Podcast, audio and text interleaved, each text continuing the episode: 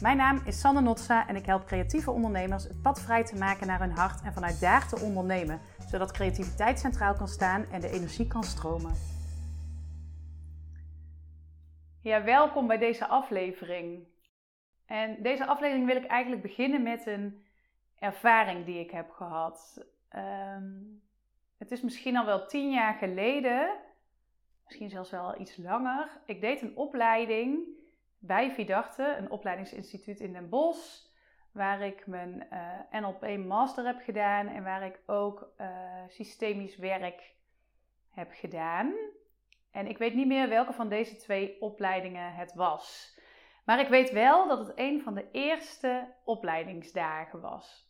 En uh, tijdens een van deze momenten, op een van die eerste dagen dus, we kenden elkaar nog helemaal niet, uh, gaf de trainer ons de volgende opdracht.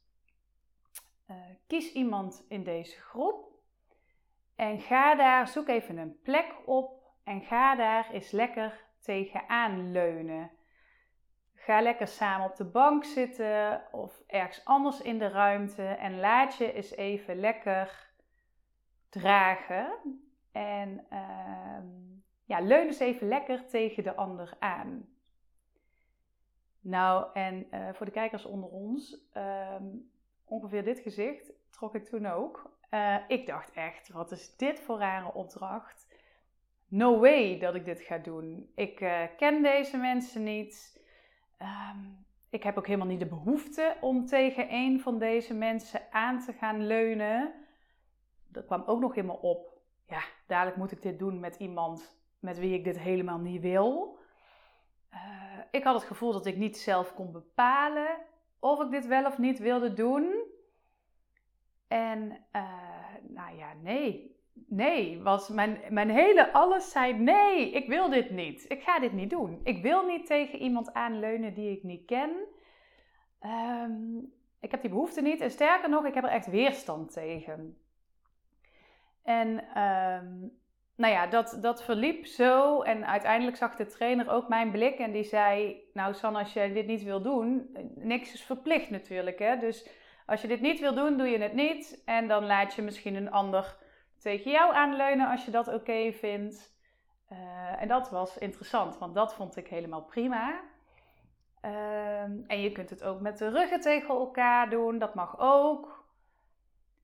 Dus hij gaf wat suggesties waardoor het in ieder geval wat beter mogelijk was. Maar mijn hele lijf zei: nee, nee, nee, ik ga dit niet doen.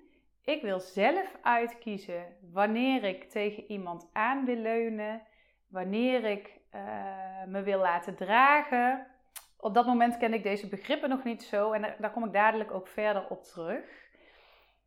Um, nee, ik wil dit niet nee, ik ga dit niet doen. Dus uiteindelijk heb ik de oefening in een soort van light versie gedaan. Waarin ik wel wat fysiek contact heb gehad met een ander, maar er vooral ook de ander uh, op mij liet leunen. En op dat moment snapte ik het doel van de oefening ook helemaal niet. Ik dacht, uh, het heeft iets te maken met comfortzone, uh, stap uit je comfortzone. Ik dacht alleen maar, ik doe dit niet eens bij mijn vrienden. En ook niet bij mijn relatie. Waarom zou ik dit in godsnaam bij uh, vreemde mensen doen? Dus nou ja, je hoort ook aan de taal die ik gebruik. Hè? Ik dacht echt, ik, nee, ik, no, no, no, ik wil dit niet. Dus, nou ja, hè, uh, de oefening ging voorbij en de opleiding ging verder. En uh, ik heb daar op dat moment nooit de link in kunnen leggen die ik daar nu wel in, link, in leg. En Uiteindelijk ging deze oefening over kunnen leunen en kunnen dragen. En uh, de aflevering van vandaag die gaat over onafhankelijkheid versus leunen. En um, ik vind het een enorm interessant thema inmiddels, waar ik zei van, oh, als je me dit tien jaar geleden had gevraagd, dan had ik echt niet geweten wat ik hiermee had gemoeten. Uh, maar inmiddels heeft dit hele thema en, eh, en de dualiteit hè, tussen leunen en dragen, tussen leunen en onafhankelijk kunnen zijn ook, heeft voor mij een hele andere lading gekregen. En daar wil ik je graag vandaag in meenemen. Um, nou ja, onafhankelijkheid. Ik ben opgegroeid als, nou ik zou bijna willen zeggen als onafhankelijke meid. Als sterke vrouw. Ik heb uh, twee broers, een oudere broer en een jonge broertje, uh, zoals je misschien weet. En uh, tussen deze twee jongens in heb ik mezelf altijd gered. Heb ik mijn eigen boontjes gedopt. Ik was heel zelfstandig, ik zorgde voor mezelf. Um, of dat nou thuis was of op school. Uh, ik herinner me bijvoorbeeld een voorbeeld en ja, je zou kunnen denken van, goh, is dat dan zo belangrijk? Ja, dat is belangrijk. Ik kon altijd alles zelf. Zo dacht ik ook toen ik drie of vier jaar was, ik had nog geen zwemles gehad, dat ik ook wel zelf kon zwemmen. Dus ik spring in het zwembad en gelukkig zag mijn vader dat en die heeft me er uiteindelijk uitgevist. En ik bleef zeggen, ik kan het zelf, ik kan het zelf. Of eigenlijk kan zelf, kan zelf. En dit is een verhaal wat uh, nog steeds in de familie uh, graag verteld wordt. Uh, en dat kenmerkt echt mij als persoon. Dat ik altijd degene was die het zelf kon. Ik regel het zelf. Ik had met mijn vrienden regelde ik het zelf. Op school regelde ik het zelf. Ik vroeg nooit hulp. Mijn ouders hoefden me bij wijze van nergens ooit heen te brengen. Ook dat regelde ik allemaal wel. Um, ik weet ook als mijn moeder, toen ik wat jonger was, wegging dan zei ze gewoon iets wat ik dan kon doen in die tijd. En dan, uh, ja, er was alle vertrouwen dat ik mezelf wel zou redden. En zo is dat ook een patroon geworden in mijn leven. Hè? Uh, hoe ik als uh, sterke, onafhankelijke meid hè, in mijn jeugdjaren en ook als jonge vrouw ehm, mijn leven leidde. En uh, mogelijk heb je de eerste aflevering van mijn podcast ook geluisterd, mogelijk ook niet.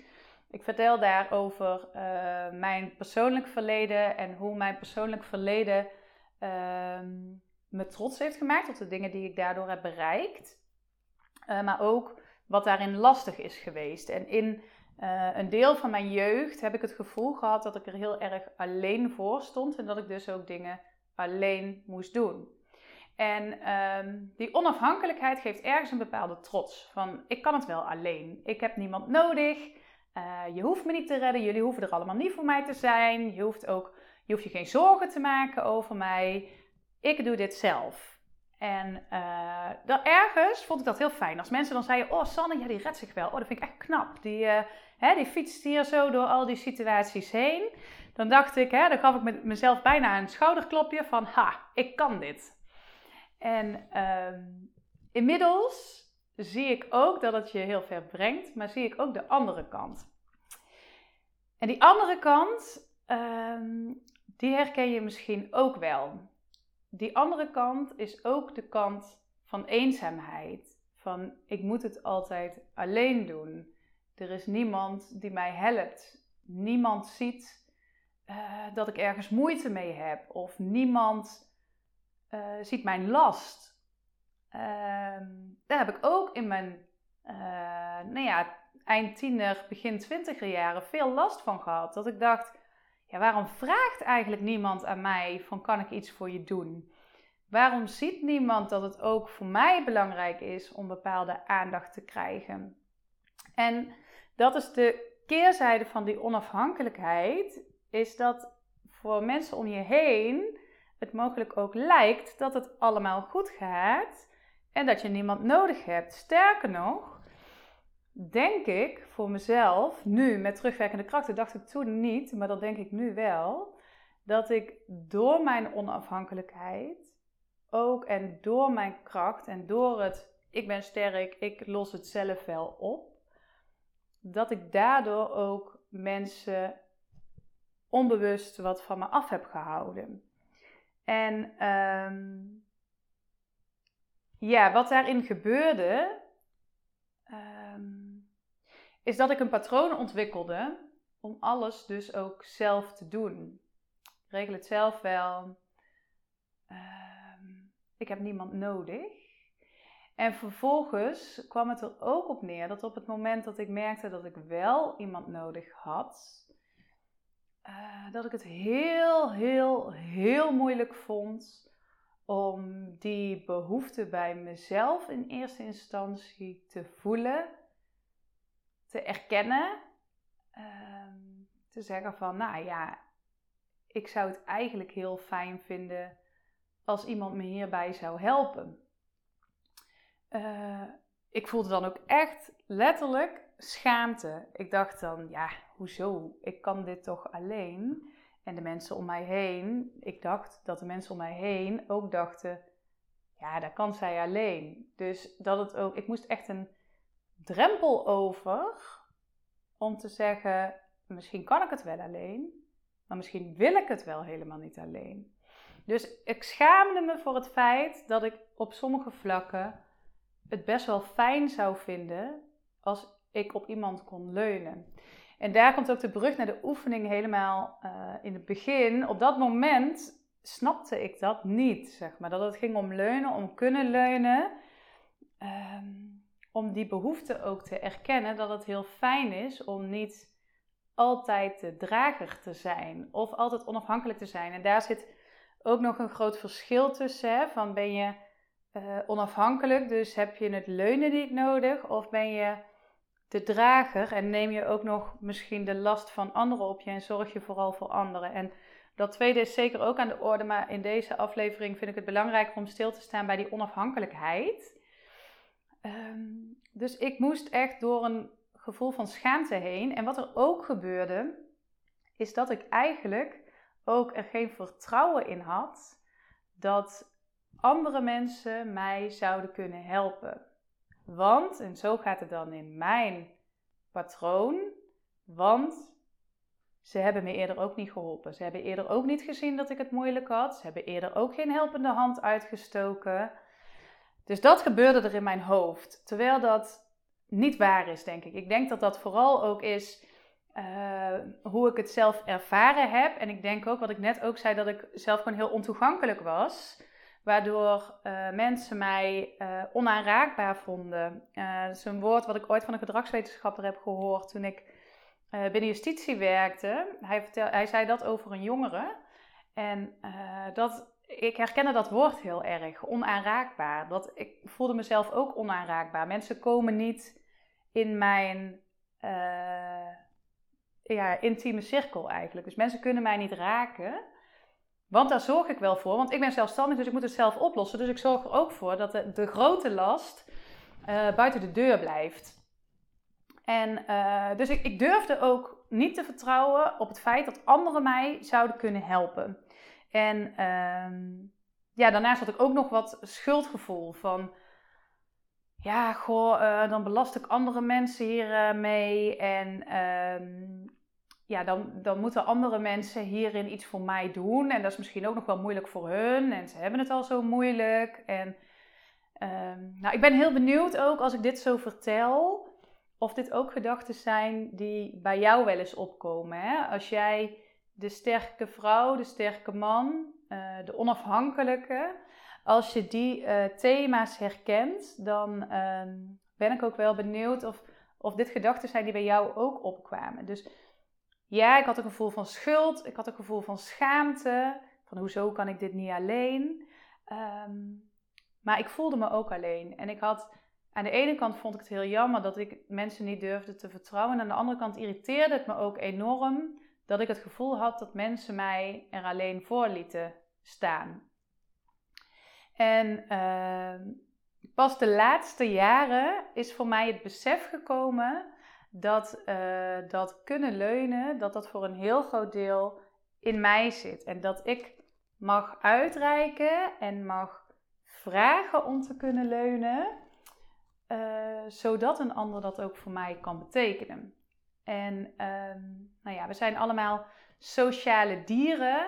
Uh, we hebben ook mensen om ons heen nodig. Hè? Er zijn allerlei onderzoeken naar gedaan. Maar het is voor ons allemaal is het fijn om mensen om ons heen te hebben en um, te kunnen leunen op anderen, maar ook plezier te kunnen maken met anderen, maar in ieder geval met anderen te kunnen zijn. En uh, in de afgelopen jaren heb ik geleerd om uh, meer te leunen, meer te delen over mezelf, meer te delen over waar ik wel eens tegenaan loop. Um, en dat begon ooit in mijn eigen gezin van herkomst, dus bij mijn eigen ouders. uh, op het moment dat ik een relatie verbrak die ik heel, waar ik echt veel last van had op dat moment. En uh, ik denk niet eens zozeer over de relatie zelf, maar wel over het feit dat ik inmiddels 30 plus was en dat ik dacht: het is me nog steeds niet gelukt. Waarom lukt het me niet? Uh, ik kan het niet vasthouden. Ik, dus het deed heel veel met mijn zelfvertrouwen. En toen zei ik op een bepaalde dag tegen mijn ouders dat het niet zo goed ging. En uh, een van de reacties van mijn ouders was, en wat ik zei, dit is, uh, ligt meer aan mij dan aan hun. Een van de reacties was, oh, maar dat maakt niet uit, je red je wel. En dat was precies waar ik merkte, hmm, ik kan dus niet leunen. Uh, mensen zijn het ook niet gewend. Dus ik moest gaan leren om dat aan te geven. Ik moest gaan leren om te zeggen, ja nee, ik red, me, ik red mezelf dus even niet. Ik wil mezelf niet redden. Ik wil juist even dat je er voor me bent. Uh, ik zou het heel fijn vinden als je er even voor me kunt zijn.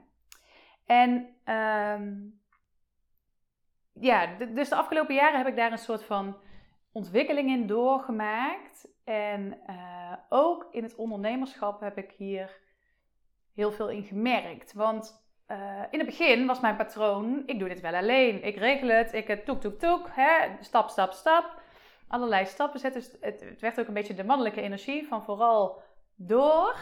Ehm, terwijl ik de zachtheid miste en wat meer mocht gaan omarmen. En ik merk ook sinds ik dat ben gaan doen, ehm, dat ik letterlijk zachter word. Dat ik ook uh, letterlijk voel, ik mag dit samen doen. Ik hoef het niet alleen te doen. En dat geldt voor het hele spectrum in mijn leven. Dus dat geldt in het ondernemerschap, maar dat geldt ook in vriendschap, dat geldt in mijn relatie. Uh, nou ja, dat, geldt in alles wat ik meemaak in het leven. Um, en waarom het voor mij heel belangrijk is om dit thema te bespreken en waarom ik denk dat het voor elke ondernemer heel belangrijk is. En zeker als jij herkent dat jij of vanuit je jeugd of misschien wel vanuit het nu uh, die onafhankelijkheid heel erg bezit. Wat aan de ene kant echt een enorme kracht is. Hè? Want ik vind ook dat het goed is dat je af en toe denkt: bam, ga er op de klos, ik ga ervoor, ik zet mijn schouders eronder, ik heb niemand nodig en ik bam, ik uh, pak gewoon mijn doel. Um, en de andere kant is: van kun je ook uh, de verzachting in jezelf opzoeken? Kun je ook, uh, durf je ook daarin hulp te accepteren? En dan bedoel ik niet eens letterlijke hulp van: ik heb probleem X, kun je mij helpen met probleem X? Misschien wel ook, maar ook de gewoon, ah, ik uh, vind het even moeilijk. Ik uh, heb het wel eens zwaar als ondernemer. Um, in plaats van wat ik eerder zou doen, is ook een beetje de schone schijn ophouden. En uh, die schone schijn, die brengt je niet ver. het is fijn als je open kunt zijn, als je, je open, als je open durft te zijn. En dat, want dat vraagt ook wel wat moed. Tenminste, voor mij vroeg dat moed, omdat ik van zeg maar het nee naar het ja ging. Van het ik kan dit zelf naar het ik wil dit niet alleen maar zelf. Ik wil dit ook samen doen. En uh, nou ja, wat ik zei, schuld, schaamte, daar speelden allerlei dingen een rol in. Maar dat vroeg dus ook moed voor mij om daar uh, overheen te stappen. En uh, een mooi boek hierbij is ook, wil ik even benoemen, is De Kracht van Kwetsbaarheid van uh, Brené Brown. Misschien ken je het, misschien heb je het al gelezen. Ik zal het ook even in de show notes zetten is echt een mooi boek, ook over schaamte en over hoe we daarmee omgaan. Uh, en of je kwetsbaar durft te zijn en te zeggen: Ik schaam me hier gewoon voor, maar dit is wel wat er aan de hand is. Um, dus om terug te komen op het thema onafhankelijkheid en leunen. Um, het gaat dus over openstellen voor mij. Het gaat over aan durven geven waar je behoefte ligt. Het gaat over um, ja, jezelf kunnen laten zien in alle facetten. Dus niet alleen je sterke kant, maar ook de wat minder sterke kant, waarvan ik vind dat dat een sterke kant is. Dat is een beetje onduidelijk misschien, maar uh, sterk wordt de kracht hè, van de ik doe het zelf wel vaak genoemd. Uh, terwijl sterk wat mij betreft ook is dat je er in al je facetten kunt zijn. Nou, en waarom is dit zo belangrijk voor een ondernemer? Omdat ik vind, ik denk, mijn eigen ervaring is, uh, als ondernemer ben je veel bezig met je persoonlijke ontwikkeling. Um, het gaat vaak over jou. Ik zeg wel eens, um, alles wat ik in mijn onderneming doe en wat succesvol is, dat heb ik zelf veroorzaakt. En alles wat ik in mijn onderneming doe wat niet succesvol is, dat heb ik ook zelf veroorzaakt. Dus ik heb overal, ben ik degene uh, die de touwtjes in handen heeft. Ik heb ook geen personeel. Hè? Daarin zou je misschien nog wat onderscheid kunnen maken als je dat wel hebt. Um, maar ik heb dat niet. Dus uh, de ondernemersreis is voor mij ook een hele persoonlijke reis en een persoonlijke ontwikkelingsreis. En uh, het hele stuk van durven en kunnen leunen heeft mij in mijn onderneming zoveel verder gebracht, omdat ik open en eerlijk naar mensen ging zijn over waar ik tegenaan liep. En dat kan gewoon tegen collega-ondernemers zijn, dat kan ook tegen coaches zijn. Um, ooit zei een vriendin van mij, uh, toen ging ik naar een psycholoog voor iets in mijn eigen leven. En uh, ooit zei een vriendin van mij van je kunt je psycholoog makkelijk voor de gek houden. Hè? Want als jij zegt dat het goed gaat met je, ja, wie is jouw psycholoog dan om te zeggen dat dat niet zo is? En dat is zeker waar. En dat is niet wat je wil, want uiteindelijk wil je geholpen worden. En dat geholpen worden kan alleen maar als jij jezelf open durft te stellen. En uh, dat kan dus in de professionele zin, hè, richting een psycholoog, richting een coach, richting um, een trainer misschien wel die je ergens mee helpt. Maar dat kan ook in het gelijkwaardige vlak zijn. Vrienden, uh, collega's, uh, andere mensen die op een bepaalde manier ja, voor jou als prettig voelen om je bij open te stellen. Dus um, ja, voor de, de takeaway voor vandaag en misschien ook voor jezelf om eens over na te denken is... Uh, hoe ga jij om met onafhankelijkheid? In hoeverre ben jij iemand die zich heel onafhankelijk opstelt? Wat brengt het jou? En in hoeverre kun je ook leunen? En wat brengt dat jou? En mocht een van de twee nou lastig voor je zijn, uh, dan is het ook leuk om te kijken hoe kan ik iets meer gaan leunen of iets meer onafhankelijk worden. Um, ja, kijk eens voor jezelf. Ik denk dat hiermee alles gezegd is voor deze aflevering, maar Kijk eens voor jezelf hoe je de thema's herkent, hoe je ze meeneemt in je onderneming, in je leven, in je uh, relaties. En uh, ik ben heel benieuwd wat het voor jou doet om misschien uh, wat meer te kunnen leunen of wat minder te kunnen dragen. Of juist misschien wat meer onafhankelijk te gaan worden. Al verwacht ik dat we vaker aan de uh, leunen kant het moeilijker vinden dan aan de dragen kant, aan de kant van het dragen. Nou, ik vind het super leuk om van je te horen, dus uh, gerust uit. Je mag ook even op mij leunen. Um, door misschien iets van jezelf te delen. Dat mag je persoonlijk doen. Um, dat mag je natuurlijk ook als je op YouTube zit te kijken onder de video doen. Uh, dat is helemaal aan jou. Uh, maar ik vind het in ieder geval hartstikke leuk om iets van je te horen wanneer je hier herkenning in voelt of wanneer je hier iets over wilt delen. Heel erg bedankt voor vandaag en tot een volgende aflevering. Dankjewel dat je hier bent. Ik hoop dat ik je met deze aflevering heb mogen inspireren om bij jezelf te blijven, je intuïtie centraal te zetten en je hart te volgen. Als het jou helpt en enthousiast maakt, zou ik het super vinden als je deze aflevering of mijn kanaal wilt delen met jouw netwerk. Bijvoorbeeld via de socials of live ook een review is fijn, zodat anderen mij kunnen vinden.